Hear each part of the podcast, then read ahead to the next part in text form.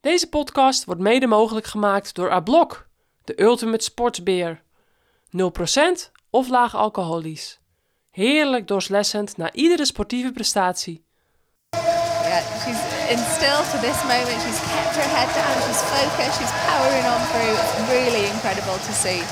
Every little meter counts now. Come on, Ellen. Smash it. Here we go, 20 more seconds, 10 more seconds. She got the record by quite an advance. wow. Last Incredible. lap, the hour is done. There is the result 49.254 kilometers. She covered in an hour. What a performance! We are so proud of her. She did well. What a happy, what a fairy tale actually it Yeah, is. amazing. Welkom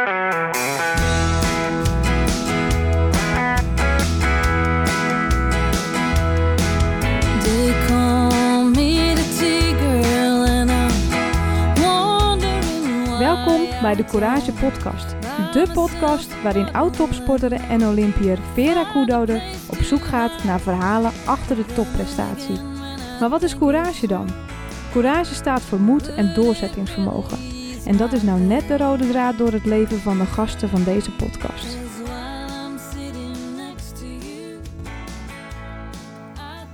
Voordat jullie kunnen gaan luisteren naar het gesprek van Ellen en mij, wil ik me eerst nog even excuseren.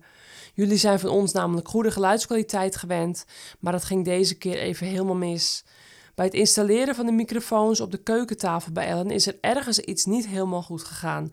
De details zal ik jullie besparen.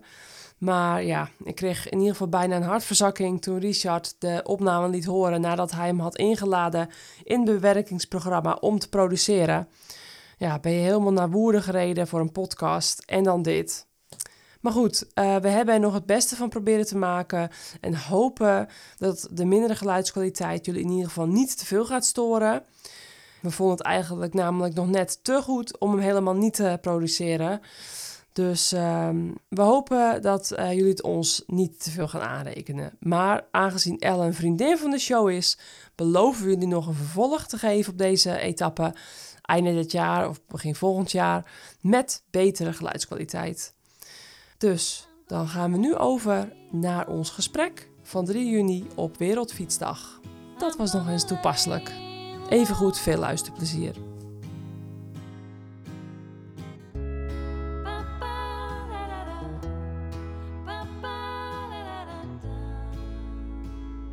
Hallo allemaal en leuk dat jullie weer luisteren naar de Courage podcast, etappe 19. We hebben hier natuurlijk, daar heb ik tegenover me zitten, Ellen van Dijk, Eleonora Maria van Dijk, prachtige eh, naam natuurlijk, eh, die ik heel vaak al voorbij heb zien komen in onze uitslagenlijstjes. Van 11 februari 1987, 35 jaar jong, geboren en getogen in Harmelen, woonachtig in Woerden en ik ben te gast bij mijn Courage podcast gast. Dankjewel Ellen dat ik eh, weer even langs mocht komen in het mooie Woerden. Eh, het was alweer een mooi ritje hier naartoe door de polders en eh, ja, het zonnetje scheen en toen kwam jij aangereden met Benjamin, je vriend, op de fiets. En toen zei ik al van nou, dit soort dagen ben ik wel weer een beetje jaloers dat ik niet ook nog ehm, iedere dag mag fietsen. Maar goed, heel ander leven nu natuurlijk. Ehm, ja, El, ik reed hier ook naartoe en toen dacht ik van, goh, welke onderwerpen moeten we dan niet vergeten te vragen? We moeten, ja, waar moeten we het zeker over hebben? Maar er is zoveel om te vertellen. Ja, dus ehm, laten we gewoon beginnen. Hoe kennen we elkaar? Ja, nou wat een mooie intro weer. Ik, Ik, ik, ik ga zo nog verder hoor. Ik ga zo nog verder. Ja, ja. ja, hoe kennen wij elkaar? Eh, nou, natuurlijk van het peloton. Maar de allereerste keer dat wij samen hebben gefietst, dat weet ik niet eens meer. Nee. Ja, ik, we hebben natuurlijk heel veel samen op de baan gereden en ook eh, getraind. Veel op trainingskamp samen. Eh, maar de allereerste keer dat we samen hebben gefietst, weet jij dat nog? Nou, jij als wandelen en die verwacht ik wel dat jij nu met een datum en tijdstip komt. Ja, ehm, het NK achtervolging 2006. Toen won ik en toen werd jij derde. Dus ik won zeg maar, de finale om goud, jij een brons. Jij was eerstejaars. Oké. En ja, ik ken jou wel als junior dame, want we hebben natuurlijk op tv brons zien winnen op het WK weg. Achter onder andere Marianne Vos, die won. Maar daarna, denk ik, ehm 2008, dat we toen echt op de baan aan het trainen waren. In 2009 reden we voor het eerst samen het WK ploegenachtervolging met Amy Pieters Ja, dat was in de- Polen. Was dat ook de eerste keer dat de ploegachtervolging werd georganiseerd? De tweede keer. Tweede Ja, keer. ja, want 2008 was de oh eerste. ja. ja, toen heb ik het nog gedaan met Elise van Hagen en Marlijn Binnendijk. Klopt. Ja. En eh, toen vond ik het heel jammer dat ik toen niet mocht rijden. En toen eh, ja, was het pas echt voor het eerst op het programma. Dat kan ik me nog heel goed herinneren. Dat vond ik wel heel eh, tof. Met z'n drieën, met drie vrouwen mocht het. En nu natuurlijk vier. Ja. Ja. en dat was denk ik de eerste keer. ja, Dus eh 2009, eerste keer WK ploegachtervolging. En daarvoor eh 2006, 2007 wedstrijden. Maar echt dat we elkaar steeds vaker bij elkaar op de hotel zo'n kwamen. 15 jaar geleden dus al Ja. ongeveer. We hebben een hele Ja. geschiedenis. En toen heel vaak bij elkaar op de hotelkamer. Ja. ehm, hoogtestages, vier hoogtestages gedaan. Vier, ja. Vier keer naar de Sierra Nevada, Ja, denk ik. Hè? ja, en we- eh, ja, weken daar vertoefd, eh, bij elkaar op de kamer. WK's, verhalen tot ja. midden in de nacht. ja, ja, toen was je echt nog een, een laadspook en ik ook. Ja, Allebei. Ja, zeker. Ja. En jij houdt ook nooit op met kletsen. dus dat, dat helpt ook niet mee. natuurlijk. Ja, vandaar de Courage podcast natuurlijk. Precies. Ja, heb je live geschreven. kun je eindeloos kletsen. Ja. Maar ehm, ja ik Wel- zat net te denken, het is wel grappig, want je zei net, oh, we hebben maar een uur en een kwartier. Toen dacht ik, ja, kletsen met jou in een uur en een kwartier, dan is het zo voorbij. Maar moet je eens een uurtje op de baan gaan rijden, zo hard Precies. mogelijk, dan duurt het eindeloos. ja, goh, Grappig. Tijd is relatief, hè? tijd is relatief. Nou, inderdaad. Want toen dacht ik ook nog, ja... eh, vorige week, dus zat ik zo trots voor de tv natuurlijk eh, te kijken. En eh, hoopte ik zo eh, ja, dat je zoveel, zoveel mogelijk afstand ging rijden. En ehm, dat vond ik ook heel apart eigenlijk. Want ik dacht ook van ja, ik had aan de ene kant ook heel jaloers kunnen kijken. Ik was natuurlijk ook tijdrijdster. Je echt Ja. jouw type renster. En we hebben heel veel samen wedstrijden geduelleerd. Af en toe... Ja, dan was ik weggereden en dan zag ik Ellen van Dijk weer op kop van het peloton. En dan dacht ik van ja, waarom zij nou en waarom, hè, waarom rijdt ze achter me aan, hè, irritatie. Maar ja, dan snapte ik ook wel dat het natuurlijk, hè, als je in een andere ploeg rijdt, eh, dan is koers is koers. En dan ja. is het gelden na, vriendschappen niet. eh, dan geldt het precies. nee. Ja, ehm, ja, grappig. Nee, ja, ik vond het ook wel heel leuk. Ik zag ook eh, na afloop had je uh, wel 10.000 screenshots gemaakt van de tv die je me allemaal ging sturen. ja. Dat vond ik heel leuk om te merken hoe je dan meeleeft met zoiets. Ja, nee, dus ik ben heel trots. Eh. Want ik ben natuurlijk in eh, december 2016 van die trein afgestapt. Nou ja, en vanaf 2006, tien jaar met jou ehm, ja, eh, op de baan, op de weg, superveel samen getraind en wedstrijden gereden. En dan nou, hoofdzakelijk in de nationale baan- en wegselectie, trainingskampen en, eh, en Olympische Spelen natuurlijk eh, gedaan. Dus Ja, in ik heb, ik, heb van, ja, ik heb een paar fotootjes geprint om even een soort van, ja, ehm, normaal heb ik dan een- bij me thuis een moodboard, maar nu hebben we een moodtafel met wat ja, foto's om even wat eh, herinneringen op te halen in deze podcast. Eh, ja, superleuk. ik dacht misschien borrelen er nog eh, ja, bepaalde herinneringen daarboven.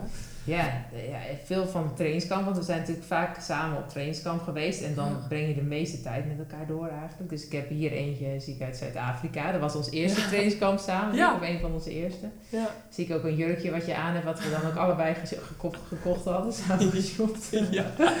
Ziet er trouwens echt charming uit en, eh, deze natuurlijk van Sierra Ja. Nevada met allemaal opaatjes in zo'n eh, Spaans dorpje, onze, Ja. onze Spaanse vrienden. Ja, die vond ik heel mooi, want, want wij waren twee jonge vrouwen Zijn, hè? zijn, zijn jij, jij, ik, ja, Nee. ja, maar ja, ehm, die dan voor ons werk, zeg maar, eh, dagelijks fietsten door die Spaanse dorpjes. En op een gegeven moment, ik ben natuurlijk vier jaar ouder dan jij, en ik had gewoon wat sneller al dat ik mooie momentjes zag. Een mooi Mhm. stuwmeer of een mooie berg of een, nou ja, of een dorpje met dus allemaal oude mannetjes.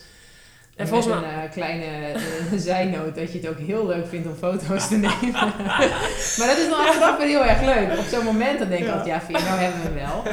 Maar achteraf is het dan heel leuk om die foto's weer te zien, inderdaad. En ja, want dat heb jij inderdaad meer dan ik. En ik denk wel dat ik dat nu iets meer heb. Maar eh, ik ben altijd iets meer van, we moeten nu doorstampen, want ik moet wel gemiddeld dit en dit wattage halen. Ja.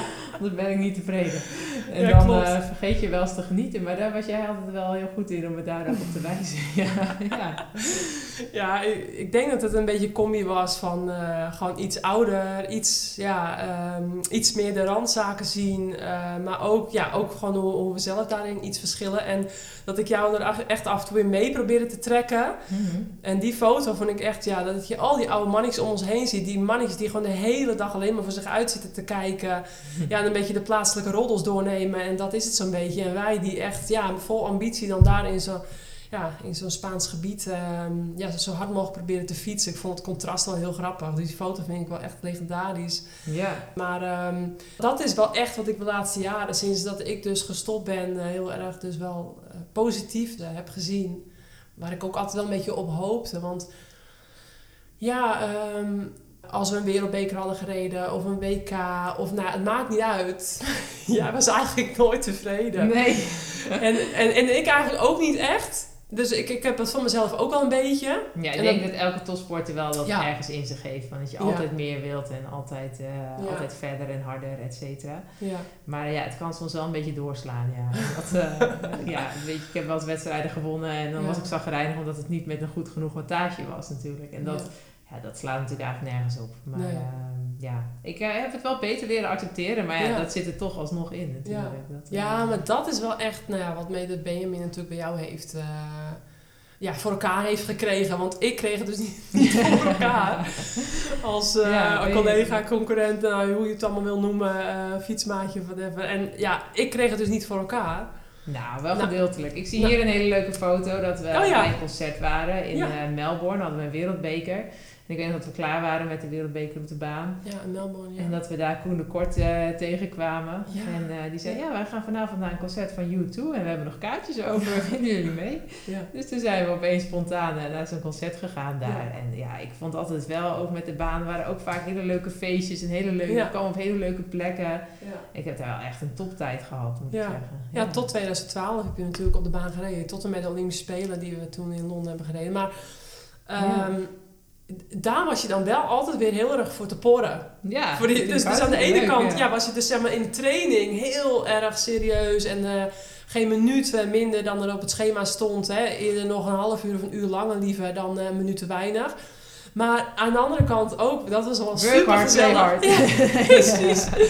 Ja, dat vond ik ook wel weer super mooi. Dat, eh, ja, aan jou had je echt gewoon eigenlijk in feite de, de perfecte roommate, maar ook, ja, ook wel trainingsmaat. Want We ja, waren een goed duo, denk ik. Ja, want niet iedereen denkt er zo over, geloof ik. ja nee, maar op een gegeven moment dan, dan moet je elkaar een beetje accepteren zoals hoe je bent. Ja, Dat lukte altijd wel aardig goed, denk ik. ja, dat denk ik ook. En dat is inderdaad Ja. het belangrijkste, ja. Ja. En eh, ja, nee, ja, dat, is, eh, dat, is, dat is wel een beetje hoe, ik, eh, hoe, hoe, hoe je me kan typeren, denk ik. Ja, wel Ja. altijd op, op de fiets heel gefocust. Ja.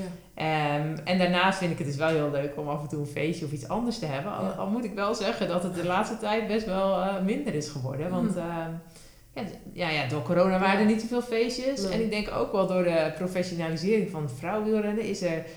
Ja, er zijn helemaal niet zo heel veel feestjes. ehm, nee, even denken. Ja, na een WK af en toe een keer. Maar tegenwoordig zijn er ook alweer wedstrijden na het WK waar mensen dan weer goed willen zijn of, ja. of dergelijke. Dus dat valt eigenlijk wel een beetje tegen die feestjes van tegenwoordig. Weer sinds je Ja. stop bent.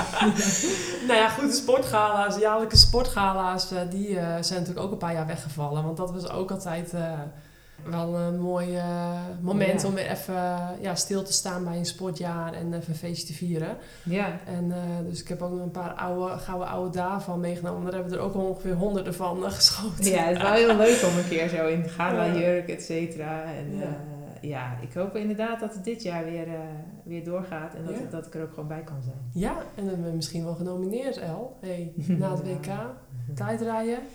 Ja, nou, wie weet. Ja, 2021, 2022 zullen ze dan wel meepakken, denk ik. Dus eh, EK, WK. Nou, in Nee, ja, vorig jaar was ik eh, bij de genomineerden. Oh, natuurlijk, Of, eh, ja. ja. Ja, was je al bij de genomineerden. Ja, Ja. nou ja, goed. het zou leuk zijn. Ja. Ja, dus zo zijn we elkaar... ja, zo hebben we dus heel veel meegemaakt met elkaar. Maar ik ga nog even verder met mijn intro. Oh, we zijn bij de Ja, voor de mensen die het dus niet weten... ehm, ook net als ik, want we hebben best wel wat overeenkomsten. ja. Nou, dat we dus allebei zijn begonnen met schaatsen. ja. Dat we ook allebei turnen hebben gedaan, wat ik totaal niet bij ons vind passen. En Nou, waar ik af- ook niks van bakte. maar dat te zijn. Ja, dus, dus eh, eh, wel met dezelfde sporten begonnen. Jij veel langer doorgegaan met schaatsen. En nog een baanrecord hebt staan op de Vechtse banen. Ja, ik weet niet of dat nog drie bestaat kilometer. hoor. Dat zal inmiddels wel uit de Oh. boeken zijn gereden, denk ik. Maar, oh, dan, dan, eh, had ik even moeten checken van tevoren. Ja, dat is eigenlijk wel leuk om een keer te weten. Maar Ja. ik kan me niet voorstellen dat dat nu nog... eh, dat lijkt me wel bestaat. leuk. Lijkt me wel bijzonder. Eh, Ja. Maar toen zat het duurvermogen er bij jou natuurlijk al in. Ja, de 500 meter was een drama. Ja, bij mij ook. Ja. Standaard laatste. Dus ja, wel ook echt met verschillende sporten begonnen. Volleybal ook, maar dat wist ik eigenlijk niet van jou. Oh, ja, ik heb wel... eh, nou, dat zat zo. Ik wilde op schaatsen. En Ja. ik wilde al vanaf mijn zesde op schaatsen. En toen zei mijn moeder, ja... Je mag wel op schaatsen, maar schaatsen is een individuele sport. En als je een individuele sport gaat doen, dan moet je van mij ook op een teamsport. Want Ja. dat is belangrijk voor je ontwikkeling. Dus toen eh, dacht ik, ja, wat zou ik dan eens doen? En toen was het volleybal geworden. Ja. Dus dat heb ik tot eh, groep 8, denk ik, gedaan. Tot mijn 12 of zoiets. En dat vond ik heel erg leuk. Nou ja, heel erg leuk. Ik heb totaal geen balgevoel. en ik ben toch ook wel meer gemaakt voor individuele sporten, denk ik. Hoewel wielrennen ook een teamsport is natuurlijk. Maar ehm, ja, ik kon daar niet, eh, ik kon daar niet mijn in kwijt. Nee. Nee. Maar wel ehm, ook al heel goed denk ik voor je coördinatie geweest. Niet verkeerd. En je was lang, dus dat had je wel mee. Ja. Maar goed. Ik kon niet Eh, springen. Nee, want je, iedereen denkt dat jij helemaal niet explosief bent. Maar jij, volgens mij ben je best eigenlijk van nature nog best wel explosief. Wel op je kracht natuurlijk. Je bent Ja. geen, geen topsprinter of zo. Maar Ja, ik moet het niet van mijn eerste zes seconden hebben. Nee, dan, Nee, eh, maar- dan ben ik echt traag. Maar als ik langer door ga harken, dan, eh, dan lukt het wel. Maar vroeger bij de junioren, toen won ik nog wel sprintjes. Ja. Ja, Van Marianne Vos en zo zelfs. eh, ja. ja, Toen kon dat nog. ja, Ja, nee, dus ooit zat er wel iets meer in me. Maar ik heb het ook wel een beetje uitgetraind, denk ik. Door gewoon veel lange uren te maken. En, en steeds trager te worden. En ook meer op die tijdrit te focussen. En, maar ja, eh, als ik nu... Zou ik nooit in een massasprint... Zou ik er echt niet aan te pas komen. Nee, eh, natuurlijk niet. Maar dan komt natuurlijk dat gevringer allemaal nog aan te ja, passen. dat, is ook iets wat me helemaal niet ligt eigenlijk. Nee. Dus eh, ik ben blij dat ik tijdrijder ben geworden. Lekker in mijn eentje. Ja, al super vroeg. En ehm, ja, toen ben je dus begonnen bij, eh natuurlijk bij WTC Woerden. Ehm, super succesvol bij de junioren. Drie NK-titels. WK-medaille natuurlijk in Verona behaald, brons. Wat ik net al zei. Toen tussen 2006 en 2012 11 NK-medailles behaald. Vijf NK-titels. Vier EK-medailles. Twee EK-titels zelfs ook nog. Eh weten volgens mij ook weinig mensen nog te herinneren. En die WK-titel Scratch, die nooit wordt genoemd. Die wordt, ik had hier net een boek eh, even doorgebladerd, ook weer over de Tour eh, van Mart Smeets. Er staat die WK-Scratch bijvoorbeeld ook weer niet bij. Alleen het WK, WK tijdrit-titels, maar... Ja, heel veel mensen weten ook niet eens dat ik echt op de baan heb gereden, Nee. denk ik vroeger. Maar dat is Ja. ook echt, ja... Want ik ging Ja. natuurlijk nu trainen voor het werelduurrecord en dan zeggen mensen... Ja, maar je hebt toch baanachtergrond? Dat heb ik ook wel, maar... De laatste keer dat ik op de baan had gereden was echt tien jaar geleden. En er is best wel wat veranderd in de tussentijd. Ja, dus dat dat vond ik wel weer even wennen, moet ik zeggen. Ja. Nou ja, goed. En eh, ik denk dat je een van je laatste wedstrijden was dus eh, de Olympische Spelen met eh, Kirsten Wild, Amy Pieters en, en ik op de uh, ploegachtervolging, de Ja. zesde plek. Dus ja, op de baan echt wel ook heel veel gewonnen. En ja, toen eigenlijk eh, ja, hoofdzakelijk die tijdrit eh, eh, opgepakt richting de WK's. Want een jaar na de Spelen in 2013 won je natuurlijk het, de eerste WK-titel op de tijdrit. Maar daarvoor ehm, nou, gaan we even bij zitten, beste mensen. 10 eh, WK-tijdritmedailles, 4 NK-titels. En geen NK-medailles op de weg. Geen één. Dat is echt heel bijzonder natuurlijk. Eh, Ja, één keer had ik er bijna één en toen eh, brak mijn fiets in twee. Ja. Ik had geen reservefiets. Dat weet ik nog. Op het NK Kerkrade. ja, een, niet van, alles. ja. een van de zwaarste NK's Ja. die er voor de vrouwen geweest is. Want het was volgens mij tegen de 3000 hoogtemeters of zo. Eh, het was echt een super zwaar parcours. En toen weet ik nog, ik reed in een groepje vlak achter jullie. En jullie waren met Van Vleuten, Vos, Brand uit mijn hoofd. En toen viel jij dus uit die kopgroep. En toen sprintte ik met Amy Pieters voor de vierde plek. Oh, Achter. Ja, achter die Eh. Vos, Van Vleuten en Brand. Ja. En jij had anders dus, met die drie, voor de eh, medailles gestreden vooraan. Ja. Maar daardoor schoven Amy en ik omdat je uitviel, dus een plekje op. Dus werden Amy en ik 4 en 5. Ja. En ehm, ja, dat herinner ik me nog inderdaad. Dan, ehm, nou ja, twee EK onder 23 titels tijdrijden. Zes keer EK tijdrit medailles. Eh, achter elkaar allemaal behaald. Dus zes keer op een rij, waarvan vier keer titel.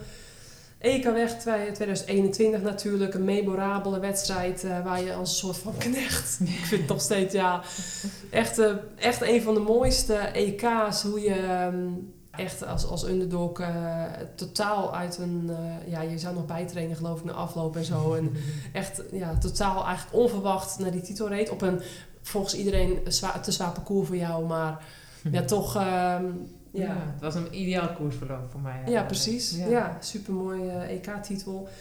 Dan natuurlijk eh, vijf WK tijdritmedailles. Twee keer de WK tijdrittitel eh, van natuurlijk vorig jaar in België. Vier keer nog WK-titel ploegentijdrit. Dan ook nog eh, de mixed relay eh, vorig jaar een medaille behaald. En even kijken, je was niet bij de EK en WK-titel van het jaar ervoor. Hè? Dat, toen Nee, zeg je niet, nee, Dit toen was heb je overgeslagen. WK Mixed Relay. Ja, precies. Dus eh, één medaille daarop. Dan nog de ehm, Grand Prix de Samine, of Samijn, hoe je het zegt, gewonnen 2013. eh, Ronde van Vlaanderen 2014. Dwars de Vlaanderen 2018, 2019. Eindklassement gewonnen van de Madrid Challenge 2018. De Healthy Aging Tour in 2013, 16, 17, 21 en 22 gewonnen.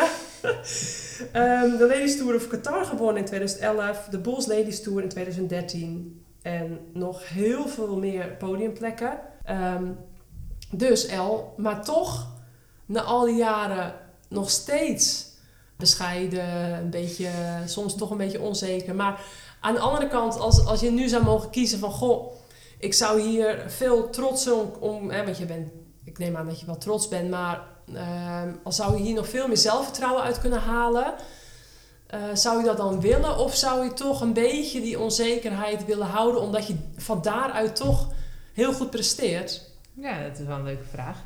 Ehm ja, sowieso wel grappig hoe je alles opleest. Vullen het uurtje wel. Ja, maar het is ook, eh, ook wel leuk om te horen. Want zelf ga ik natuurlijk nooit die hele lijst door. Ehm, maar ja, inderdaad. Dat is misschien wel wat je zegt. Ergens wil ik ook een stukje die onzekerheid erin houden. Want ik wil heel scherp blijven. Ik wil nooit... Ik wil ook niet echt tevreden zijn. Of ja, op sommige momenten is het wel lekker als je tevreden bent. Maar uiteindelijk eh, wil ik mezelf altijd blijven verbeteren. En dat kan alleen maar als je natuurlijk niet op je lauweren gaat rusten en denkt... Zo, kijk je naar mijn lijst. Ja. En dan eh, zoals Lance Armstrong met je zeven trui op Ja. de muur eh, Ja. een beetje gaat chillen. Ehm, maar goed, ik, ja, het is wel leuk om het zo te horen natuurlijk. En eh, ik denk pas als ik uiteindelijk echt stop... dat ik dan pas denk van nou, mooi, klaar. Hele mooie carrière. En dan ga ik weer in andere dingen mezelf eh, uitwringen en eh, denken dat ik niet, go- niet goed genoeg ben. Dus ja, Ja. dat hoort, dat hoort Ja. gewoon een beetje bij me. Ja. Dat is een beetje wie ik ben. Misschien moet je het ook gewoon niet aan willen passen. Nee. Want, want eh, ik, ik hoor het in alle interviews weer terug. Hè, en dan hoor ik steeds weer hetzelfde. En dan, ja. dan denk ik van ja, misschien is het ook gewoon prima zo. En misschien ehm idealiter ben je iets zelfverzekerder. Of ben je iets trotser op wat je behaald hebt. Maar Ja. ja, Ik ben nu ook 35 natuurlijk, dus Ja. dan ga je ook dingen accepteren zoals Ja. ze zijn. En dan denk je, ja, inderdaad, zo ben ik een beetje. ja. En eh, ja, en misschien wil ik het ergens ook wel een beetje inderdaad, ja, onbewust. Ja, dat zou goed kunnen, ja. ja. Ja, want ik herinner me ook bijvoorbeeld voor atletiekwedstrijden was ik extreem zenuwachtig. Waarom dat zoveel extremer was dan met wielrennen weet ik niet. Omdat het ook met een duizend meter of zo vanaf de start moest kloppen en gewoon hard moest. Maar eh, ook met wielrennen herinner ik me ook echt wel wedstrijden dat ik heel zenuwachtig was. Maar als je dan daarna denkt van... Het vond ik heel onprettig namelijk. Ja, tuurlijk. Het is niet iets... Nee, dan, en dan had je ook helemaal geen zin in zo'n wedstrijd. Nee. En dan dacht je van, oh, eigenlijk wil ik nu gewoon nog afzeggen, maar dat kon dan niet meer. Maar als je dan heel achteraf bekijkt, ja, dan dacht ik toch wel dat ik het nodig had. Dus Ja. ik denk dat dat bij jou misschien ook wel... scherp. Ja, Ja. het kan ook wel negatieve energie kosten Ja. natuurlijk. Dus het is heel erg een balans Ja. in zoeken van waar, eh, tot waar kun je gaan en wanneer moet je gewoon zeggen dit is goed en zo is het goed. Want het houdt natuurlijk nooit op, ook met voorbereiden soms. Dat je denkt, ja misschien moet dit nog beter of misschien moet dat nog beter. En eigenlijk is dit niet goed genoeg en eigenlijk is dat niet goed genoeg. Ja. Maar ja, op een gegeven moment moet je ook gewoon bijvoorbeeld gewoon een week voor een groot evenement zeggen... Oké, dit is het, zo gaan we het doen, alles is goed genoeg en Ja. hier gaan we het mee doen. Ja, En eh, alle twijfel wegnemen. Ja. ja. Ja, dus in die zin eh, eh, merk ik wel wat verandering bij jou. En natuurlijk bewuster over bepaalde dingen. Je hebt Ook veel ervaring. ervaring, meer zelfkennis, veel gesprekken met sportpsychologen. ja, ook. Ehm, maar uiteindelijk is Benjamin misschien ehm, toch ook wel een, een sleutel geweest van ja, bepaalde successen. Omdat, omdat die ook heel erg bij jou eh snaar weet te raken om jou echt ja, te laten relativeren. Ja, ja, zeker. Benjamin die kan mij heel goed eh, rustig houden. En heel goed ook eh, laten inzien dat, dat dingen gewoon al goed genoeg zijn. En ook, ehm, ja, gewoon heel vaak kan hij me er ook bewust van maken van kijk eens wat we allemaal hebben. En Ja. wat we allemaal, eh, terwijl ik dan denk, maar moeten moet weer meer, moeten we dit, moeten we dat. Ja, maar stop nou even, kijk nou even wat we allemaal hebben, hoe fijn ons leven is. En Ja. ja, ja dat soort dingen, dat maken me heel bewust van, eh, van waar ik mee bezig ben. En ook kan ik er ook meer van genieten op die manier. En hij kan sowieso mij heel rustig maken, wat natuurlijk eh, heel belangrijk is. Bijvoorbeeld, eh, ja, soms dan zit ik s'avonds, eh dan, ligt hij, dan, dan gaan we lekker op de bank nog even wat kijken. Maar dan ga ik eerst weer op mijn matje, want dan denk ik, nee, maar ik moest nog een paar oefeningen doen. Want ik- dat heb ik dan in mijn hoofd, van ik moet eerst die en die oefeningen nog doen, of een beetje stretchen en zo. Kom nou gewoon even hier zitten, weet je wel. Ja. En dan denk ik, oh ja, oh ja. En dat kost dan even moeite om dat ook te gaan doen. Maar als ik dan lig, denk ik, oké, het zal wel. Het zal, die paar oefeningen gaan het verschil niet maken. Ja. Dus dat, ehm, ja, dat, dat maakt wel een, een enorm verschil in mijn leven, zeker. Ja, ja want ehm, ik, ik herinner me dat ook nog, want dat deed je toen ook al wel, eh, s ochtends vroeg voor de training, of nou ja, na het opstaan en dan Ja, en s'avonds weer en dan echt gewoon, en dan iedere dag. ja dat, ook- dat is ook weer zoiets waar je natuurlijk nooit de rustdag. ja, natuurlijk nooit genoeg van kan krijgen. Ja. Ja. Ja, je kan altijd wel meer oefeningetjes doen of stretchen of wat dan ook. Ja. Maar dat is met alles. Ja, nee, maar dat, dat soms dan, dan was het best wel, ja, als je dan dat iedere dag ziet, dat, dat hè, zo'n iemand als ik. Dat hoor ik wel vaker van mijn kamergenootjes. Die worden daar een beetje onrustig van Ja. natuurlijk. Want die denken Ja. dan, oh shit, moet ik dat ook gaan doen? dan voel je een beetje een luid onder. Ja, dus soms deed ik ook wel mee. Ja, Maar- ja, ja. ja. Maar ja, op zo'n rustig had ik dan zoiets van, ja, eh, dat moet ook wel echt een beetje, hè, dan ging ik misschien wel een stukje wandelen of zwemmen of zo. Maar dan, ja, dan, als ploeggenoot af en toe dan, eh, ja, het, aan de ene Ik ben kant... niet altijd een leuke, Ja. zeker op trainingskamp, ben altijd een leuke ploeggenoot. Nee, nee, toevallig, eh, ik ging dan vanochtend met BMW fietsen en Ja. eh, we zitten nu een beetje geintjes te maken over dat werelduurrecord van... Ja. en zegt hij, ja, jeetje, moet ik weer achter je aan? Ik zeg, ja, je had ook niet dus de, de snelste vrouw voor een uur moeten uitkiezen als je vriendin natuurlijk. En dan zegt hij, nou dat is dan nog tot daaraan toe, dat je over een uur het snelst kan fietsen. Maar dat je ook altijd zo snel moet trainen, Ja. Hij helemaal gek van. dat en dat, ik eh, ja, dat is op, op trainingskampen, dan eh, maak ik niet altijd vrienden met mijn ploeggenootjes. Want ja, ik heb vaak wel gewoon in mijn hoofd dat ik in ieder geval zo'n zo'n gemiddelde qua wattage wil rijden. ja. Ja, en op een gegeven moment, als het dan gewoon te traag wordt gefietst, dan word ik een beetje gek. En dan wil ik gewoon dat wattage gaan bergen. Dus dan eh, ga ik dat ook gewoon doen. Als dat in mijn hoofd zit, dan doe ik dat. En dat eh, wordt me niet altijd in dank afgenomen, nee. Dus dan, eh, ja, het is natuurlijk ook een stukje teambuilding, een trainingskamp. Dus soms moet ik, dan probeer ik me heel lang in te houden. Maar dan na één of twee dagen, ja, dan, dan, dan ontplof ik toch een beetje. En dan moet ik weer even gaan gassen. Ja. Ja, maar eh, dat- met, qua trainen, dan, dan kon ik wel vaak gewoon... wel, Ja, eh, zeker, zeker. Dan, dan wilde ik dat ook. Dan, wil, dan vond ik het echt wel fijn. Ja. Eh, dan, Maar niet iedereen. Nee, klopt. Nee, maar daar, daar, daar verschilden wij wel een beetje eh, mee. En eh, we hebben ook wel trainingskampen gehad dat we de enige vrouwen waren. En dan gingen we gewoon met z'n tweeën trainen. Ja. Dan moesten we kop over kop oefeningen doen of zo. Of dan, dat deden we dan gewoon echt... Nou, dat, dat ging wel goed. Maar ik her- wat ik me nu te binnen schiet... Ik herinner me dan bijvoorbeeld de eerste keer Sharon Nevada in 2011... Dat ik gewoon een stuk lichter was dan jij. Mhm. Eh, jij had toen ook die jaren bij HTC High Road gehad, bij Columbia. En toen was je gewoon super sterk. En super zwaar. ja, nee. Nee, Ja. nee dat wel- zwaarder. Ja, nee, voor een zeker. normale vrouw was je zeker niet te zwaar. Maar voor een topsporter was je gewoon Had minder... ik, had ik wat reserve? ja, nee, dat klopt. Ja, die jaren heb ik ook gehad. Ja. Of, ja, ook door, allemaal door verschillende redenen. Maar ehm, dat heeft mij ook al gefluctueerd. Maar dat, dat, nou fijn, ik was toen gewoon super afgetraind. Ik was gewoon een stuk lichter. Dus ik kwam 10 minuten eerder dan jou of zo boven op zo'n klim. Mhm. En ik herinner me dat jij daar gigantisch aan irriteerde. Ja? Maar, ik weet niet of het op mij kwam. Maar jij bent iedere dag een beetje, ja, wat, wat betreft klimmen, met je neus op de feiten gedrukt. Mhm. En we, we hebben dezelfde lengte, we hadden altijd ongeveer hetzelfde gewicht. En volgens mij ben je toen, in die winter daarna, echt een beetje gaan kijken van... Goh, nou ja, ik moet wel wat eh, bewuster gaan zijn. Of, of in ieder geval voor mezelf kijken. Ja. Dat ik wat, ja, wat verander. ja. Wil ik ook, zeg maar, net als Vera dan zo... Ja, Een, eh, een stap maken. een stap maken. Ja, het, was denk ik wel een punt in mijn carrière waarop dat gewoon nodig was. Want eh, ik reed toen bij HTC Columbia, weet ik nog. En dat eerste jaar daar was ik gewoon echt zwaar, inderdaad. Maar ik had überhaupt nooit zoveel over voeding nagedacht. Ik, deed, ik at gewoon wat ik moest, dat, dat ik dacht dat ik moest eten voor wedstrijden. En, eh, Ja. ja, en toen merkte ik, ik kreeg ook een trainer die was ook meer met laag koolhydraten bezig en zo. En toen dacht ik wel van, oh ja, maar als ik dus minder, als ik nu minder koolhydraten ga eten, misschien kan ik dan wat vet verliezen, et cetera. Ja, en toen kreeg ik het een beetje in de gaten hoe dat, eh, hoe dat kon werken. En toen kon ik daar natuurlijk ook weer een beetje in doorslaan. Niet dat ik eh, Ja. ooit te licht ben geweest of wat dan ook, maar wel dat ik, dat ik een beetje doorsloeg in, in voeding natuurlijk. Ehm, en eh, uiteindelijk is dat dan weer, nu weer gewoon in balans en is het weer Ja. goed gekomen. Ja. Maar eh, ja, dat was wel een beetje een, een omslag in mijn, in mijn carrière, waarna het ook een stuk beter ging, denk ik. Wat logisch is, als Ja. je bergop beter mee kan. Ja, ja, dat herinner ik me nog. Dat je toen echt vanaf dat jaar dan- daarop, van- vanaf 2012, ben je ook gewoon echt heel hard gaan klimmen. Ja, de- steeds wat beter. Ja, het Ja. heeft wel twee jaar geduurd voordat ik echt, denk ik, het lichaam had waar- waarvan ik dacht, ja, dat wordt bij een Ja. topsporter. Zeg Ja. maar. Dat ging ook niet in één jaar. Mhm. Eh, maar ik denk dat dat alleen maar goed is, want als je dat te snel doet, dan, eh, ja, dan, dan werkt het ook uh, averechts. Mhm, Ja. Ja, en eh, ik herinner me nog dat je dan heel veel eieren at op een dag. Ja. en heel veel rijstwafels. Ja, helemaal Ja. niet gezond hoor, als ik eraan terugdenk.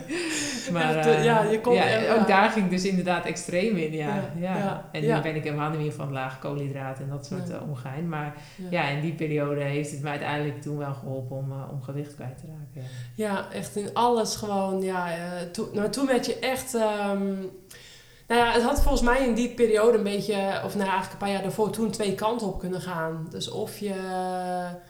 Ja, je bent toen echt heel erg die topsportmentaliteit eh gaan Ja. kweken eigenlijk. En ik denk dus ook wel, ik ben toen wel eh, nog een stuk serieuzer nog geworden, denk ik. Maar Ja. ik denk dus ook dat ik wel wat van, als ik die foto's hier voor me zie, van die feestjes en zo, dat, dat is ook minder geworden. Dus ik ben echt wel echt serieuzer geworden, wat me wel meer gebracht heeft in de sport en waar ik ook heel blij mee ben.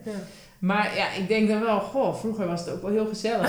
Nou, romantiseer je alles ook wel Ja. een beetje natuurlijk. ja. Maar ehm, ja, dat, dat, een klein stukje van die, van die eh nonchalantigheid, zeg maar, ben ik wel kwijtgeraakt, denk Ja, ik. ja, ja. Ja, goed, je wordt wat ouder. Je, Daarom, wordt, eh, je ook zo. hebt dan een vriend, dat scheelt natuurlijk ook heel veel. En, dus ja, het is niet zomaar. Maar ehm, ja, nee, in ieder geval ben ik heel blij om te zien dat je nu ook gewoon eh, tijdens fietsritjes je echt gewoon je, je fotomomentjes pakt. ja. Meestal maak ik dan wel één foto als ik Ja. een foto maak en niet van alle verschillende hoeken. Nee, precies. Nee, maar ehm, nee, volgens mij, en dan zei je ook op een gegeven moment van ja, dat is leuk voor later en dit en dat. Voor. Ja, ja. ja, precies. Ehm, ja, dus dat weer het uurrecord L. Even kijken, 49,254. Ik Dat zat er hem, ja. dichtbij met mijn voorspelling. Ja, wat had je voorspeld? Eh, 49,1. Oh, heel Eh, dichtbij. Ja, 1 of eh ja, 49,1 of ja. dat ken je twee. goed. Ja, dat had ik eigenlijk voorspeld. Ja. Ehm, maar ehm, ja, ik had Ja, niet- leuk, want ik vind het wel grappig, want ik, ja, we hadden ook van die voorspellingsdingetjes op Ja. social media Ja. gedaan. Ehm, maar ja, sommigen zeggen natuurlijk 50, 51.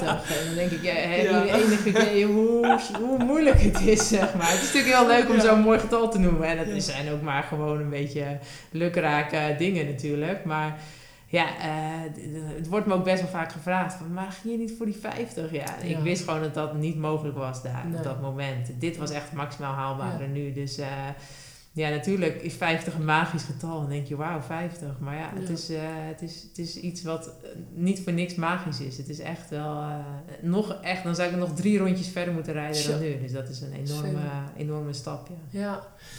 Ja, die mooie koeienbel die staat hier op tafel. Ja, voor de. Courage podcast natuurlijk. Zullen we hem even laten horen, Veer? Ja. Hoor je die bel ook tijdens het Dat uurrecord? wel zeker, ja. Ja? ja. daar keek ik al 59 minuten naar uit. Ja. Nee, maar ehm, daarvoor, ehm Benjamin, die, die riep dan steeds hoe lang ik nog moest. En Ja. dat was de laatste 10 minuten, kreeg ik dat niet meer door. Dus Oh. dat was wel echt eh, heel vervelend. Want ja, het liefst wil je roepen van hoe lang nog? Ja. Maar ja je, Ja. je kan ook niks meer roepen natuurlijk. Dus Nee. ik dacht, nou, ook niet zeiken, gewoon door blijven fietsen. Het Ja. maakt niet uit, want ik moet toch door. Dus, eh. Maar je wil dan zo graag weten hoeveel minuten nog. Dat was... eh, ja, dat is natuurlijk het zwaarste moment van zo'n uur uiteindelijk. Ja, en ehm, als je het nou, ik denk, ik verwacht eind van het jaar, na het WK, verwacht ik dat je me in Mexico nog wel een keer aan gaat vallen. Zo. Ja, denk ik. En anders begin volgend jaar. Ehm, en dan op hoogte. En dan met alle ervaring van nu. En dan natuurlijk weer een eh, bepaalde voorbereiding. En welke zaken kunnen dan nog verbeteren? Kijk, je gaat natuurlijk niet je ploeg afvallen en zo. Dat snap ik allemaal. Want die hebben natuurlijk Nee, maar- super Ja, veel voor je echt, gedaan. eh, ja. Maar ik zag bijvoorbeeld dat flubberende... Ha Ja, die haren nog om die helm. Ja. ja, dat had ik Hoorde dat? nee, dat hoorde niet. Of, nou ja, dat, ik had gewoon die helm opgezet en ik had het zelf niet Ja. door. Klein denk- detail. Ja, ik denk niet dat dat een verschil gaat maken. Maar Nee. Ehm, ja, zeg maar zoals we het nu gedaan hebben, hebben we denk ik alles gedaan eh, op de meest optimale manier. En heb ik heel veel steun eh, en support gehad. Ja. Ehm, als ik het nog een keer zou doen, dan, dan zou het makkelijker zijn. Omdat ik nu wel een maand lang vooral bezig ben geweest met de techniek van de baan onder de Ja, knie krijgen. En die houding en alles. En überhaupt een uur in die houding zien te rijden. Ehm, ja, dus alles was nieuw daarin. Ja. En dat zou nu wel veel makkelijker zijn, al zou ik het nog een keer gaan doen natuurlijk. En dan zou je misschien nog iets meer kunnen focussen op echt het fysieke gedeelte. Want dat, natuurlijk hebben we wel fysiek getraind, want je, dat, dat combineer je. Maar ik merkte dat heel erg de combinatie ehm, maximaal op je omslagpunt rijden eh, en perfecte techniek, dat, dat is heel moeilijk. Dus als, je dat, als dat nog meer automatisme wordt, dan kun je daar denk ik nog wel wat in winnen. Ja. Ehm, maar verder, ehm, ja, als, als zou ik het nog een keer doen, dan zou ik het sowieso op hoogte doen. Ehm, waar, waar je natuurlijk sowieso mee wint in principe. Ja. Eh, maar heeft het ook een hele lange voorbereiding nodig. Ja. Want dan moet je ja, aanpassen aan hoogte natuurlijk. Ja. Dus ja, ehm, dat zijn eventueel afwegingen, maar eh, zover zijn we nog lang niet. ik ben hier ook gewoon heel Ja. blij mee nu. Ja, ja nee, pff, jeetje Mina, het is echt eh, gigantisch hard. 58-14 had je als verzet. Ja, En wij reden en wat reden wij? drie kilometer ploegachtervolging, reed eh, jij en Kirsten eh, eh, 52-14. Ja? En, en ik reed 51-14 en Amy reed 50-14 of 49-14.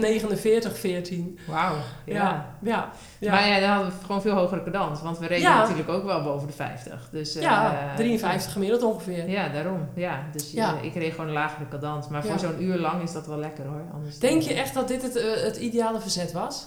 Ja, eh, voor mij, ik vind het heel prettig om rond de 95 eh, omwentelingen te rijden. Dus Ja. dat, ik denk dat dat wel redelijk ideaal was. Ja. Ehm, ja, je kan natuurlijk hoger, maar dat is eh, minder efficiënt. En bijvoorbeeld Jocelyn Louden, degene die het voor mij had, die reed dan weer met 92 rpm. Omdat Oh ja? dan- ja, Zo, dat is laag, ja. Ja, dan heb je... eh, Ja, het idee erachter is volgens mij dat je wat minder ehm, eh, luchtweerstand hebt. Oh, jeetje, ja. Ja, maar ja, het is- ik vind het zelf een beetje een gevaar. Als je dan stilvalt, dan, dan val je ook goed het- dan wordt stil. het echt la- een low RPM training. Zeg Ja. maar. Dus Ja, ja, dat vond, ik niet, dat vond ik niet zo prettig. nee. Dus dit is in principe ook wel weer het ideale verzet. ja, dat, zo hebben we dat in ieder geval ja, Ja, getest. Ja, ja. maar vond je het wel weer leuk om op, om op de baan ook te trainen, op de omnisport en zo? Eh, het moet wel bijzonder geweest zijn na zoveel jaar, denk ik. Ja, dat klopt wel. Ja, ik vond het heel, ehm, eh, ik vond het heel erg leuk. Het hele project vond ik heel erg leuk. Ja. Maar ik vond soms ook wel, nou zeker in het begin vond ik het wel even eenzaam. Ja. Want de allereerste keer ging ik ook echt helemaal alleen naar die baan. Ja, en dan zit je daar en dan ga je Oh, gewoon rondjes doen. man? Ja. Ja. En dan ga je gewoon je rondjes rijden en dan lukt het niet, weet je wel. Dan raak je gefrustreerd en dan denk je, ja, dan zit ik hier in mijn eentje. Ja, er is En, geen eh, bal aan. Nee, dus vervolgens ging gelukkig Benjamin, die kon dan met zijn- met zijn werk wel regelen dat hij steeds mee kon. Ja. Eh, en dat hielp wel heel erg. Maar ja, dan nog, je doet alles alleen natuurlijk. Dus ik vind het wel heel erg leuk om weer op de baan te rijden. Ja. Alleen was het, ja, eh, de baantrainingen die we eerst deden, met hele groepen natuurlijk. En was het gezellig. En nu reed ik gewoon in mijn eentje de hele tijd rondjes. Ja. En eh, ja, is de, staat er ook wel druk op natuurlijk. Ik wilde dat het goed ging. En als het, ja, dat was toen ook wel. Maar Ja. als het een keer niet goed ging, dan dacht ik, ja, maar hoe moet ik dit in, in hemelsnaam een uur volhouden? En eh, ja, er kwam ook wel heel veel onzekerheid bij natuurlijk. Dus zeker in het begin vond ik dat heel pittig. En naarmate we dichter bij het uurrecord kwamen, kreeg ik wel steeds wat meer zelfvertrouwen. En dacht ik, ja, het, het moet er wel in zitten en het moet wel gaan lukken. Maar in die voorbereiding heb ik wel heel veel eh, lastige momentjes gehad, ja. Ja. Nou ja, eh, je weet me te vinden bij de volgende Ja, gaan we samen naar Agus Calientes. eh. Ja. ja, ga je niet naar, ja, nou, ja, dan, ja, naar die Nou, ik baan. weet het niet. Ja, ik weet nog helemaal niet of ik het nog een keer ga doen. Maar Nee. ja, Mexico is wel in principe de meest eh, ideale baan waarschijnlijk. Ja, precies. Nou, eh, laat het me weten. Weet je te vinden. Of als je in ieder geval in Nederland Ah, alvast jij een kan beetje helemaal niet zo lang zonder je jongens, toch? Nee, nou goed, die zijn dan wat ouder misschien. Nou, dus, Ja. nou, in ieder geval eh, de voorbereiding in Nederland op de baan. ja. Ehm, en ehm ploegachtervolging voor, eh, ja, voor als je het natuurlijk straks in Parijs dat enige ontbrekende goud op de Olympische Spelen, of nou ja, Olympische medaille, ja. Eh, het liefst natuurlijk goud, ehm, dan nog gaat proberen te behalen, dan past een ploegachtervolging daar natuurlijk niet bij. Maar had je nog een ander leven gehad, dan had je dat misschien Als ik daar nog een tweede leven in kon zetten. ja, met een blaak of met een... eh, ja, nou, eh, ja, de, de op. baancoach van, die momenteel dat regelt, die heeft me ook wel gecontact of ik daar toch niet wat in zie. En ja, ik vind de baan wel gewoon echt heel erg leuk. Het, trekt me altijd. Ik, ik vind het heel mooi. Ehm, ja, ik ga nog eens contact met hem opnemen, maar ehm, ja, Ja. het is wel gewoon lastig in te passen in, in een wegprogramma. Maar ja, Ja. de Duitse da- dames die, Ja. eh, die bewijzen dat dat zeker kan. Zo. Dus, eh, Goh, hé. ja, dus, 406, hè? ja, ja, Toch? en ik denk, 404 zelfs. Ja, in ieder geval. ik heb geen idee meer, Ja. maar ze waren echt heel sterk in ieder geval. Ja, En ik geloof ook echt dat baantraining echt heel goed kan zijn voor, eh, voor, voor op de weg. eh, ja, om te presteren op de weg. Dus Ja. dat, dat denk ik zeker dat het heel, eh, heel goed met, samen kan als je de juiste planning hebt. ja. Ehm, ik weet het schema nog niet van Parijs. Ik weet ook nog niet of het bekend is. Maar mocht de baan dan na de tijdrit zijn? Ja, goed. Ja, maar goed, ik merkte wel toen we het in, in Londen deden, toen focuste ik ook op de tijdrit. Ja, En toen merkte ik wel dat ik me niet genoeg kon committeren zeg maar, aan, Nee. aan de ploegen achtervolgen om daar echt een succes van te maken. Dus Ja. je moet op, soms ook wel keuzes maken. Ja. Dat, eh, ja nou, die meiden van Duitsland die combineren dan de tijdrit en de, en de ploegachtervolging. Ja. Ehm, ja, dat zou ik natuurlijk wel mooi vinden om te zien. Hè? Dat, eh, dat we met Nederland in ieder geval weer een keer gaan Nou, er is plaatsen. sowieso denk ik een heel serieus project Ja, met die, eh, met die jonge dames. meiden. En dat, dat is sowieso heel mooi om te zien. Ja, nou ja, misschien. eh, Ik kan er als mentor af en toe optreden. ja, ook voor, eh, voor mij, ja. oh ja, nee, ik Oh, bedoel voor oh, de jonge meiden. of, eh, Ja, ja, ja, ik ja, zeker, ja. Ja, ja, ja, ja, precies. Nee, ik, ik Ik dacht... denk niet dat ik jou nog wat kan leren. Nee, nee, ik, ik dacht ik langs de baan of zo, maar... oh ja, dat kan altijd ook. Ja, nee. ik- Ehm, ja, en als we nu... Hè, we zitten in de Courage podcast, El. Ja, oh Dus- ja.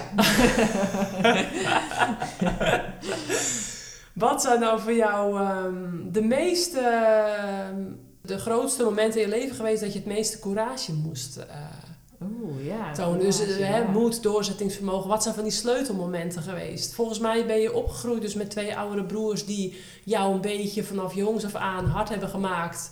Dus twee oudere broers, het jongere zusje en jij ging gewoon met ze mee. En het was niet zeiken, maar eh, nou ja, gewoon met ons mee, zoiets. Ja, dat klopt wel een beetje. En Dus dat heeft jou een beetje gehard, want je bent Ja. gewoon een harde. Ja, dat Eh. heeft wel een beetje geholpen, ja. Ja. Ehm, ja, maar inderdaad, courage. Ja, dat is wel mooi. Want meestal zeggen ze meer van, ja, wat waren de momenten wat je het meest herinnert of zo. Maar Mhm. het meest courage is natuurlijk wel eh, goed. Maar had ik me voor moeten bereiden eigenlijk, of kunnen bereiden. Nou, ik, herinner me, ik herinner me nog, eh, in 2006, Mhm. toen reden we de Flevo Tour. En toen, toen viel jij, toen viel jij naast mij. Oh ja, ik reed Ja, ik zag, je zo omver, ik zag je zo over de kop kukelen Ja, in de berm, links van mij. En toen brak je dus je sleutelbeen. Nou, dat was denk ik een van je eerste eh, behoorlijke blessures. ja, Maar je hebt natuurlijk nog... ehm, meerdere blessures. Ja, ik zit altijd te denken aan Ja. een courage moment wat misschien wel, eh Je wel toepasselijk is. Ja, heup, ja. Andere sleutelbeen. Ja. Ja, joh. We gaan, laten we niet aan die lijst beginnen. Maar, ja. ehm, Maar ook mentaal, hè? Dus ook gewoon ehm, dat je doorzettingsvermogen en moed hebt durven tonen. Want dat, dat, dat hoeft niet alleen in topsport te zijn, maar gewoon in het leven. Er zijn, ik vind dat er heel veel inspirerende, bijzondere mensen zijn waar anderen zeg maar weer wat van kunnen leren. Ja, nou het En, moeilijkste moment vond ik misschien wel in mijn carrière. In, ehm, het ging heel erg in stijgende lijn tot 2013. 2013 was een heel goed jaar voor mij en toen werd ik ook wereldkampioen tijdrijden. Ja, daar was ik bij. Was- was jij bij? Ja, ja, zeker. Ja, ja. ik was daar voor de ploegentijdrit. Ja. Eh, en daarna, dat- daar was jij ook nog bij, weet ik nog het jaar daarna, toen eh, had ik best wel even moeite om, weer, eh, om mezelf weer te motiveren. En, en ik dacht van, ik moet nu alles hetzelfde doen en ik, ik moest heel veel van mezelf. Ja. Maar het kwam niet met dezelfde juiste innerlijke motivatie. Het was alleen maar moeten en het kwam helemaal niet vanuit mezelf. Ja, het kwam wel, dat moeten kwam uit mezelf. Maar ik had er geen plezier in eigenlijk. En eh, ik weet nog dat ik toen op trainingskamp was in, eh, bij Kalpen in de buurt. En dat jij ook in het uh, Boels Dolmanshuis eh, te gast Oh, was ja. toen. Ja. En ik had ook al, ik was allemaal ziek en verkouden en zo. En ik zat gewoon helemaal niet lekker in mijn vel. En eh, ja, toen, toen besefte ik me eigenlijk van ja, ik ben eigenlijk nu helemaal niet gelukkig. Want ik heb dat grote doel gehaald wat ik zo graag wilde. En nu, ehm, ja, wat nu dan? Ja, ik vond het heel moeilijk eigenlijk eh, in het begin.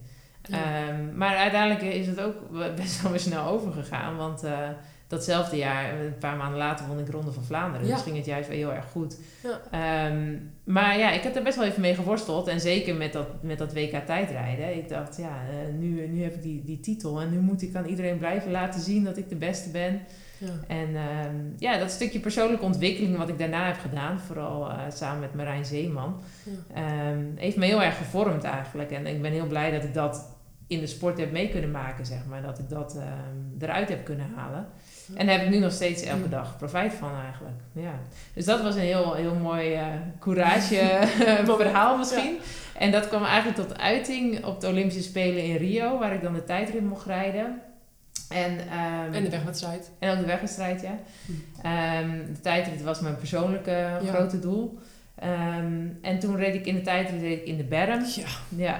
en, eh, nou ja, dan moest ik mijn fiets weer uit de struiken halen en ben ik weer op de fiets gegaan en weer verder gegaan. En reed ik eigenlijk echt een hele goede tijdrit. Je had zeker zilver gewonnen. Ja. En waarschijnlijk goud. Maar in Ja. ieder geval goud of zilver. Ja, nou ja, goed. Of bron. Nou, in ieder geval Ja. medaille. Ja, en uiteindelijk werd ik vierde.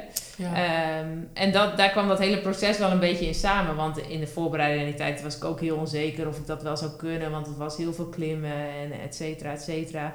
En uiteindelijk ja, eh, was ik dus heel dicht bij, eh, bij een medaille of winst. Ehm, en eh, ja, ook op dat moment moest ik natuurlijk dat ik de berm meteen weer herpakken en weer Ja. door. En dan moet je ook nog 20 kilometer, waarbij Ja. je natuurlijk de hele tijd denkt: Oh, ik heb het verknald, Ja. oh, ik heb het verknald. Mentaal zo moeilijk. Ja, dus dat was heel moeilijk. Dus dat waren wel grote courage momenten. Zo. Ja, echt hoor. ja. Ja, nu het zegt, dat is echt een typische voorbeeld. Ehm, ja, maar ook ehm, denk ik de moed, zeg maar, om ook dingen durven te veranderen op een gegeven moment. Ja. Ehm, want wij hadden op een gegeven moment dezelfde trainer, eh, Andreas Lang, Oh ja. Duitser. ja. En die, hè, die had altijd eh, zijn schema's met zijn medio en zijn eh, allemaal van die termen. Ja dat, Ja. dat had hij dan altijd ervoor. En dan hadden we ook een beetje zo de- dezelfde trainingen. Ja. Maar ik denk dat die trainingen, dat was ook echt alleen maar op het wattage gericht. En ik vond op een gegeven moment bij mezelf, vond ik het ook, sloeg het ook wel een beetje door hoor. Dan moest Ja. ik ook, ging ik het liefst gewoon vijf uur aan één trainen. Omdat ik dan ook boven de 30 gemiddeld kon rijden op mijn 210 of nog hoger wattage gemiddeld. Dan moest Ja. ik dat ook halen. ja. Dat was ook echt het doel van de training. En dat kon je gewoon soms niet altijd combineren met een gezellig groepje of zo. Nee, en dat, is natuurlijk soms het nadeel ja. van de wattagemeter. Ja. Want eh, ja, ik vind het fantastisch om, eh, om, om je trainingen mee te, mee te sturen. Ja. Maar ja, dat, ook dat kan soms een beetje doorslaan natuurlijk. En, eh, en kan voor heel veel ontevredenheid zorgen als, ik, als ik niet het wattage haal wat ik, wat ik precies wil. Ja. Kijk, als je een hartslagzone hebt of zo, is het natuurlijk veel, veel meer grijs gebied. Dan kan van alles kan goed zijn. Ja. Ehm, maar ja, ik vind ju- juist wel door dit soort ehm, wattages kan je natuurlijk precies zien of je het ja, Ja. waar je staat. Dus het is ook een fantastisch hulpmiddel. Ja. En eh, ik heb zelf dan ook bewegingswetenschappen gestudeerd. Ja. Dus ik ben heel erg op cijfertjes en, eh, en dat soort ja, dingen. dat was nog een vraag, ja. Oh ja? Gooi hem erin. Ja, nee, omdat je... oh shit, we moeten al bijna stoppen. ja, ja, joh. Ehm, ja, nee, omdat je hebt de, hè, de bachelor bewegingswetenschap op de VU in 2011 behaald. Tijdelijk stopgezet. Maar ga je nog die Master Human Movement zijn, zijn afmaken? Nee joh, nee, Nee? nee? zeker niet. Nee, ik Van heb niet uit interesse of zo? Nee, ik heb eh, inderdaad de bachelor gehaald na drie jaar. Of nou ja, die zou je na drie jaar kunnen halen. Ik weet niet precies hoe lang ik erop gedaan heb. ik ben, ben ik vergeten. Maar ehm, ja, en toen ben ik ook aan de master begonnen. Ik deed heel veel samen met Levi Heijmans Oh ja. eh, in die tijd. Ja. Ja.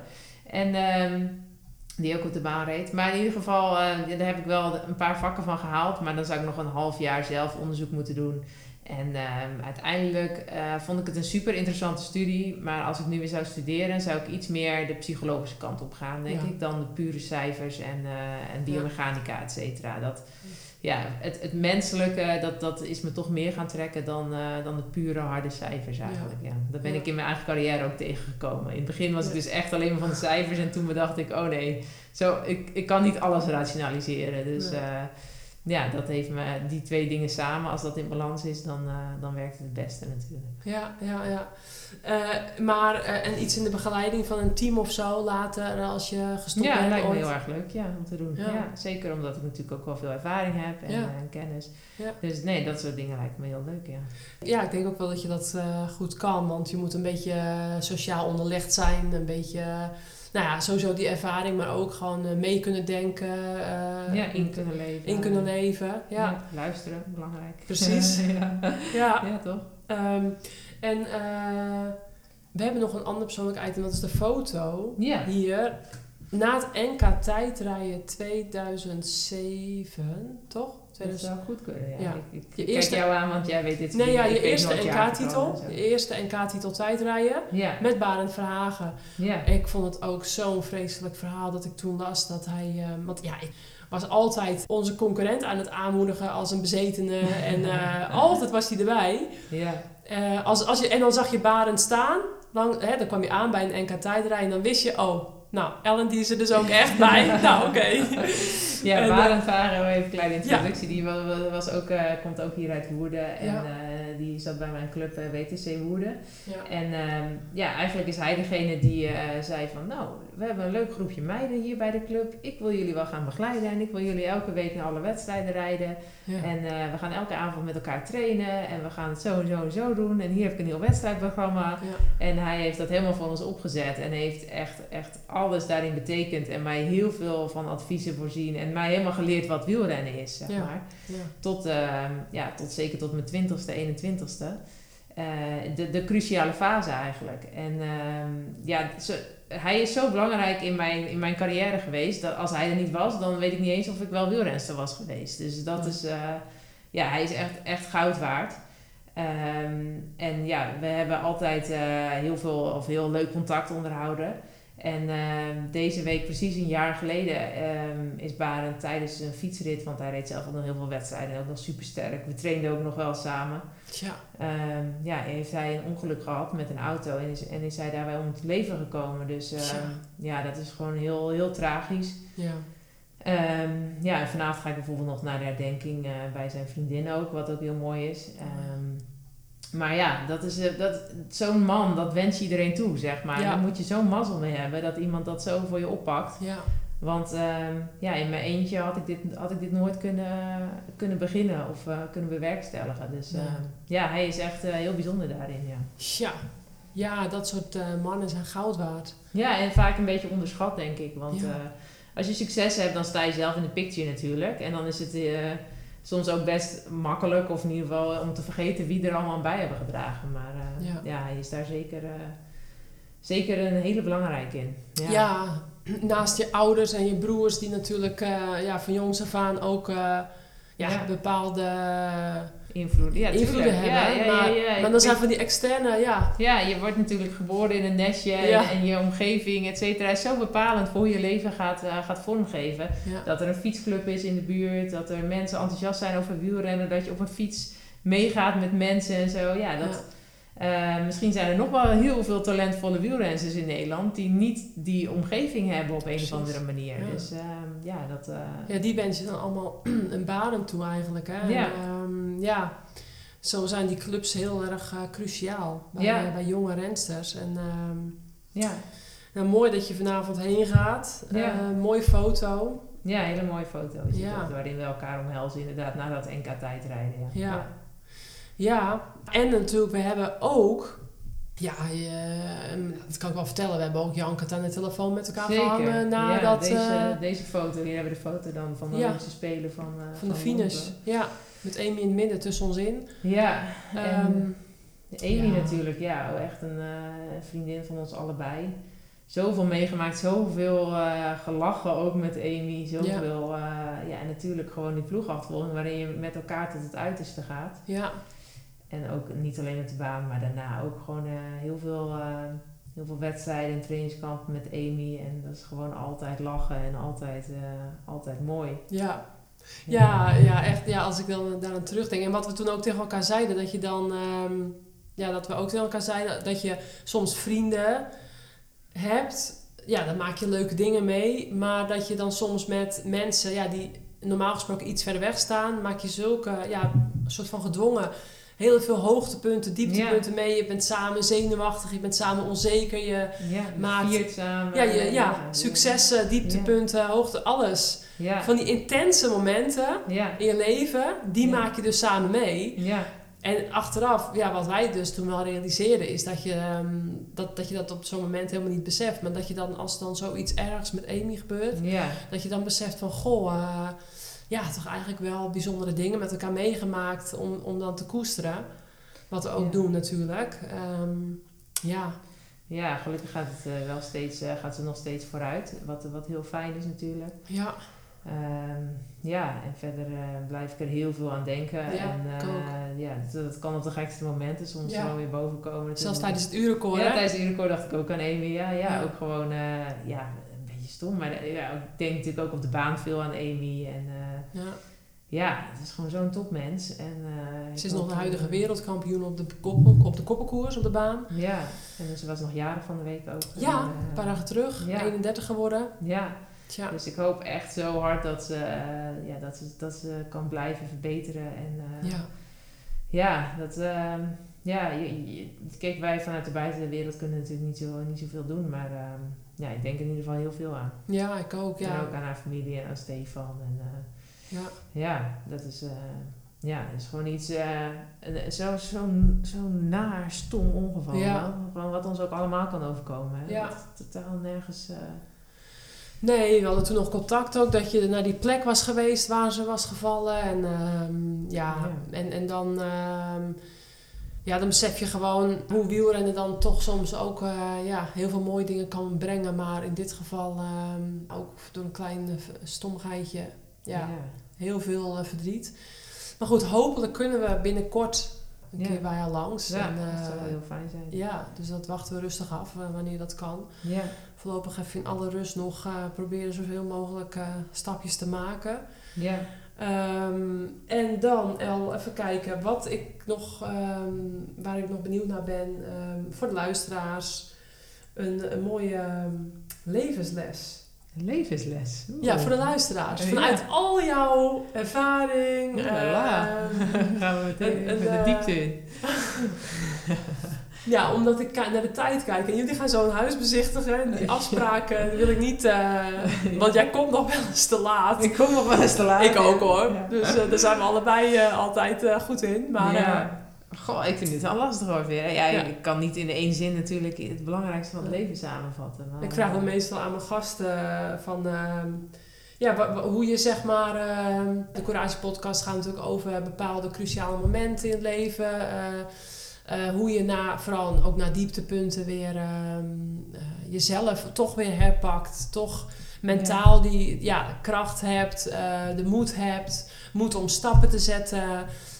moed hebben om ehm, ja, je eigen, echt je eigen hart te volgen. Dat doet lang niet iedereen. Nee, dat- dat is denk Dat ik durft wel... niet iedereen. Nee, en ik denk dat dat het allerbelangrijkste is. Want inderdaad, als je doet waar je zelf, als je iets doet wat je zo graag wilt. Bijvoorbeeld dat WK tijdrijden winnen, dat wilde Ja. ik zo graag. En dat wilde ik al acht jaar lang nog een keer. Ja. En eh, dat wil niet zeggen dat het dan gaat lukken. Want ja, ik kan zoveel eh, heel graag willen. Maar.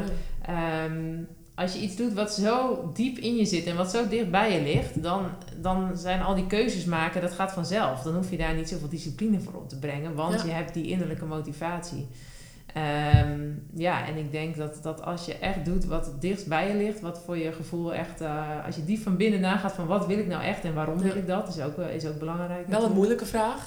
Dat is zeker een hele moeilijke, ja. Voor sommigen, hè? Voor jou Ja. dan niet, maar voor sommigen wel. Nou ja, voor mij ook wel eens Ja. natuurlijk. Ja, zeker als je weer een groot doel bereikt hebt. Dan Ja. je, ja, wat is dan weer het volgende? Ehm, ja, en, en, en uiteindelijk is het natuurlijk, eh het zijn allemaal van die clichés, maar heel belangrijk om, om elke stap naar dat doel toe, om daar ook van te kunnen genieten. En dat is niet Ja. altijd makkelijk, maar om wel even elke dag stil te staan. Van eh, ja, wat is het mooie wat ik kan doen? Of eh, dat is misschien niet voor iedereen. Maar in ieder geval, dat heb ik vroeger wel eens van een verzorger geleerd. Elke Ja. dag aan het einde van de dag een paar genietmomentjes voor jezelf eh, herhalen.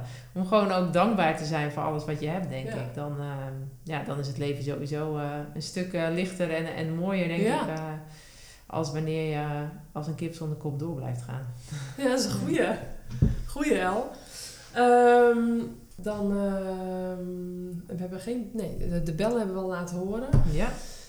Heb, heb je nog, ehm nabranders, heb je nog iets eh, leuks nog voor, ehm, om- nog een anekdote? Een, een leuke anekdote, komt er nog wat boven borrelen? Als een foto, nou, ik, ik heb dus echt maar een, ja, wat, even kijken, twee, vier, zes, nou ja, eh, iets van tien foto's eh, meegenomen. Ja. Maar ja, van de duizenden zo'n beetje denk ik al Ja. met al. Die zijn allemaal uitgeselecteerd van alle, Ja, nou, waar uit zijn ja. genomen. Ja, even denken hoor. Goh, wat hebben we dan meegemaakt? Ja. Wat, eh, even denken hoor. Wat is een leuke anekdote? Ja, als jij even na... Maar wat ik ook nog eh, benieuwd naar ben... Kijk, we zijn natuurlijk... Voor mij is de Sierra Nevada echt een, een soort van magisch gebied. Ik vind dat Ja, ja. zo heerlijk. Ehm, en, en sommigen die gruwelen ervan. Maar van al die plekken waar jij dan geweest bent... Als ik zou zeggen... Oké, nu mag je morgen... nou, lekker op trainingskamp. Ik zie je vaak genieten in Zwitserland. Ja. Maar eh, wat is dan echt je, je favoriete plek? Of heb je die niet, echt? Zijn het er meerdere? Ja, ik vind in het voorjaar eh, voel ik me altijd heel fijn op Gran Canaria. Omdat het Oh, daar ja. dan heel mooi weer is. Ja. En dan eh, vind ik dat zo lekker dat je daar in de zon de hele dag eh, lekker bergop, lekker wattage beuken. Heerlijk. Ja. maar eh, Zwitserland, daar ga ik dus ook heel graag heen samen met Benjamin. Ja. Hebben een plek waar zijn familie een appartementje heeft. Ehm, ja, en uiteindelijk de Sierra Nevada vond ik ook wel heel fijn. Ja, maar ik vind hoogte toch vaak wel, eh, dan haal ik niet de wattages die ik wil. Zo, en dan raak ik daar toch weer gefrustreerd over. ja. Maar gewoon een hoogtestage ergens in de bergen is wel fantastisch. Want dan ben je zo echt alleen maar met je sport bezig en je zit midden in de natuur. En ja, Ja. het is, het- dat soort dingen. Dan denk ik, het is toch fantastisch dat dit je werk is. Ja. Dat, eh, ja, dat vind ik wel echt heel mooi. Ja. Ja. Ja, en, en als je dan bijvoorbeeld eh, eh, vrienden van jou, hè, Hanna en Marielle, nou ja, en, eh, je ziet voor mij ook wel eens die kleintjes voorbij komen. Ja. En ik weet natuurlijk dat het bij jou ook al een klein beetje, hè, die wens hebben jullie uiteindelijk ook. Ja. Maar ik snap hoe moeilijk het is, want ik was dus 33 dat ik stopte en jij bent nu Ja. 35. En ik weet ook van ja, Ja. ja ergens... Ik moet het stoppen. Ja, en daar Nou heb ik inderdaad heel veel moeite Dat mee. is wel ja. lastig, lijkt Ja. me. Ik zou het heel moeilijk vinden persoonlijk. Ja. Ik was dan ook gestopt met een blessure, dus dat maakt het voor mij makkelijker. Maar dat heb jij dus nu niet. Nee. Dus jij hebt niet echt een stok achter de deur van... Goh, ik heb nu zoveel last van mijn rug. Of Nee. zoveel... Ja, je hebt wel daarmee te dealen met natuurlijk structureel... wat- Jawel, maar, maar, maar het gaat eigenlijk je beter kan er ooit. wereldkampioen mee worden Ja, en een ja. rijden. Dus het, Ja, ik ehm, heb nog nooit zoveel successen achter elkaar gehaald. Nee, dus precies. ehm, ja, dus ik vind dat inderdaad wel een, eh, een heel lastig iets. Omdat Ja. ik voel van ja, ooit moet ik gaan stoppen. Ja, Maar ik vind het nog steeds het allermooiste wat er is. En dat, eh, ja, dat is inderdaad wel een tweestrijd waar ik soms in zit. Ja. Want eh, ja, je kan niet alles in het leven. Hè. Je moet keuzes maken. Maar ja.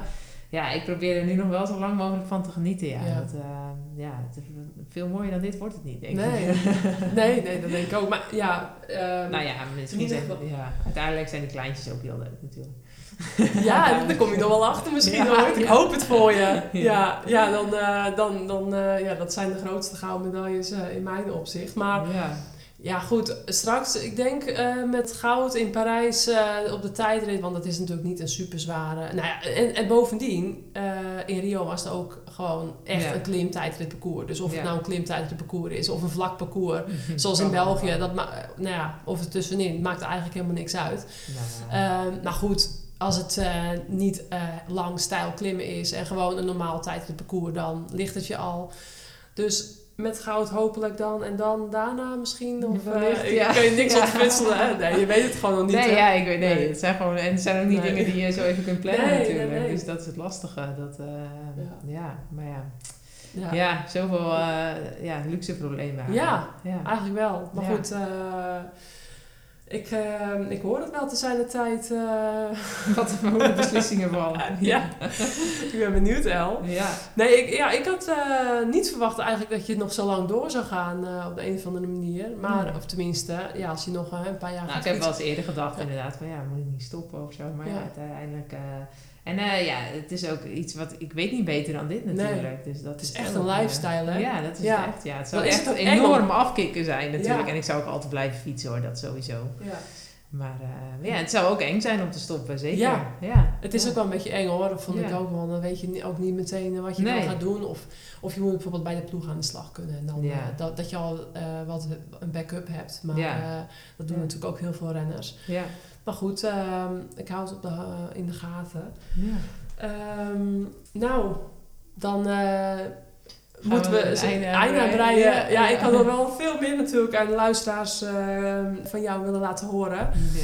Maar misschien eh, kunnen we gewoon volgend jaar weer even een keertje Tuurlijk, meeten. En dan gaan we even wat andere foto's printen. Kom wat andere een keer in, herinneringen. eh, ja, en dan eh, kom ik nog weer met leuke anekdotes. Anekdotes. Niet Ja, op, nee. Maar, eh, daar ben ik nooit zo goed in. Die komen dan wel. ja. En anders zometeen off the record. En ehm, ik heb natuurlijk even het een en ander meegenomen voor jou Ja. en voor Benjamin. Eh, Je hebt hele auto volgelaaien, of niet? Allemaal schoenen maatje 42 heb ik al gekregen. ja, superleuk. Ja, ehm, na de zwangerschap heb je, hebben de meeste vrouwen eh, grotere voeten, zo ook ik. dus die, de halve kast, of nou ja, driekwart van de kast, ben ik nu aan het wegdoen, want dat wordt hem gewoon niet meer. En eh, ja, jij bent dan een halve centimeter kleiner, maar jouw voeten die zijn dan ongeveer nog een, ja, echt wel een maat kleiner. Dus dat kwam even heel mooi uit. Dus Ja. eh, ik kom gelijk even vier paar hier ik heb een nieuwe schoenenwinkel. Ja, ja. Ja. Schoenen, schoenen gaat erom. even bij jou achtergelaten. Ehm, maar de A-blok, alcohol-free, isotonic, low-calorie sportsbeer. Eh, de ultimate sportsbeer zeggen ze ook wel. Eh 0% ehm, ja, wit bier is het. Ik ben heel nieuwsgierig. Ik heb hem nog nooit op, dus het lijkt me lekker. Lekker koel zetten, eerst Ja. even. Koel drinken, dat is wel een aanrader. Eh, het smaakt een beetje, ja, er zit ook wat, eh wat grapefruit smaak aan. Ik vond het wel lekker. Je moet ervan houden, maar ja, ik denk dat je het ook wel, wel lekker vindt. Het is echt Ja. een fris drankje. Dus ehm, nou, daar heb ik eh, dan, nou, je kan met 12 blikjes eh, kun je even eh, een tijdje vooruit. Als je dan na je training, Ja, het is best wel lekker ja. doorslessend. Ja, dat geloof ik. En ik heb voor de luisteraars een kortingsactie. Namelijk, als je op de website van ablokbeer.com naar de webshop gaat, heb ik 10% korting op alles in de webshop. Dus ze hebben dus eh, 0% of laag alcoholische dranken. Mooie wielerkleding hebben ze ook. En vrijtijdskleding. Dus eh, ja, jullie kunnen daar een kijkje nemen, ablokbeer.com. En dan met Courage 10. Dus K-O-E-R-A-G-E. Dus niet eh, op de Engelse manier, maar echt met koe. Op de kudo manier. Op de Koedode manier. Courage 10, dan eh 10% korting op alles in de webshop. Dus, ehm, nou, ehm El. En jij bent ook wel de animal genaamd. ja. Dus heb ik voor jou vele koffie meegenomen. En voor Benjamin. Kijk, ja. ja, hartstikke leuk. Ter Ja. afwisseling van de Segafredo boontjes willen wij wel graag een keer de Velo koffieboontjes eh, proberen. Ja. En Ja. eh, Roy van den Berg is deze, heeft deze op zijn naam staan. Dus nou, dat moet, Ja. heel, dat moet krachtvoer zijn. Ja. Ja, want Roy eh, wordt de beast genoemd. Maar jij wordt de animal genoemd. Dus de animal en de beast. En, Nou, ehm, Ja, heerlijke kopjes. Ja, vele koffie die heeft biologische koffiebonen. Alleen dat, dat keurmerk staat dan niet op de verpakking, maar ze zijn wel degelijk biologisch. Ja, ik vind het super lekker en drink eh, iedere dag bakkie eh vele koffie. En jij hebt, ik had gevraagd net, je hebt dus helemaal geen Segafredo koffie. Oh, maar ja, Ik word gesponsord door Segafredo. Ja. Bij de ploeg hebben we altijd Segafredo koffie. ja oké, maar dan hoor je ook Ja, eh, bij de renners thuis. eh, Ja, dat valt me ook wel lichtelijk tegen. Maar ja. ja, dat je bij de wedstrijd even een, eh, een zak meekrijgt. Maar goed, Ja. Ze betalen wel goed volgens mij. Dus. Ehm, nou ja, Nee. voor jou een Benjamin eh, eh, koffiebonen. En niet te vergeten, ook eh, voor jou en Benjamin, want jullie fietsen superveel samen. ja, dat is leuk. dan zit vind ik eh, leuk meestal. Ja, zit hij meestal. met zijn tong op het stuur in wiel. Net ook al dat jullie aankwamen, moest hij even uit, eh, uitrusten. Zo even, even even bijkomen, zei ik. Ja, hij is sterk hoor. Ja, Ja, maar ja, ook hardlopen, kan hij ook goed. Ja, hij is een sporty boy. Ja, ja, ja. Sorry, boy. Ehm, de Courage Koerspet van BioRacen. Dus ja, die mag je officieel natuurlijk niet op. Maar als je straks gestopt Stiekem af bent... en toe doe ik toch even kijken. Met. WK-strepen, hè? Ja, Dus- inderdaad. Heel toepasselijk, ja. Ja, dus die, eh, die doen we straks even op voor de foto. ja. Maar als je straks gestopt bent, dan heb je in ieder geval een, eh, een, ko- een koerspet ook met, eh, met WK-strepen. Als je die dan nog niet had. Maar ja, dus ehm, Outfit compleet. juist. Nou El, ehm, leuk dat ik hier bij jou Vond te het gast hartstikke leuk. Sowieso leuk om elkaar weer te zijn. zien. Ja, zeker. We kunnen de bel nog even luiden zo ter afsluiting. Ter afsluiting. Ja, maar dat is dan... courage met de koebel. Met de Eh, koebel. Ja. Ja. ja. Jij bent er al klaar voor? Of ja, ik, niet? Of wil je nog wat kletsen? Nou, ja. Vroeger maar- zei ik altijd, Veer, kunnen we doorspoelen naar de samenvatting. Dan begon je weer verhaal. Dacht ik. Maar eh nee, hartstikke leuk. Het is altijd gezellig. Ja, eh, eh, misschien ehm, eh, de Vera en Rox Roxane zien af nabeschouwen dat we je nog wel weer even gaan eh, terug horen. Ja, hartstikke leuk. Dat doen Ja. jullie heel goed. Hartstikke leuk. Ja, nee, echt heel leuk dat jullie doen. Ja, kun je ook even grapje. geven. Ja. Nou, gaan we bellen. Dit gaan hem. bellen. Bedankt, bedankt voor het luisteren allemaal. En ehm, nou, Ellen komt zeker nog wel een keer terug. Als Vriendin van de show. vriendin van de show. Ja. Ja, echt? Ja, luister je wel eens? Zeker, zeker. Maar ik moet zeggen Ja. dat ik niet alles nog geluisterd heb, Ja. maar ik heb nog een to-do-lijstje. Een to-listen lijstje. Goed zo. Ja. Hey, bedankt El. Ja, het was hartstikke leuk. Dankjewel, Pierre.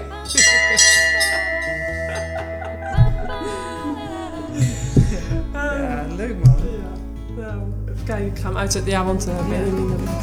Nee.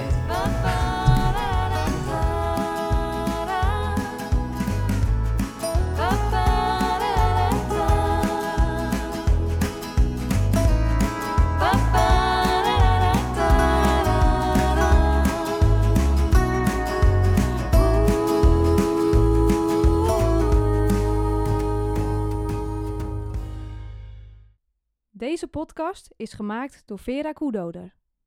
Vind je dit een leuke podcast? Laat dan een review achter op Spotify of Apple Podcasts. Je hoort in deze podcast muziek van mij voorbij komen. Wil je er meer van horen? Check dan Marianne Lichtart op Spotify.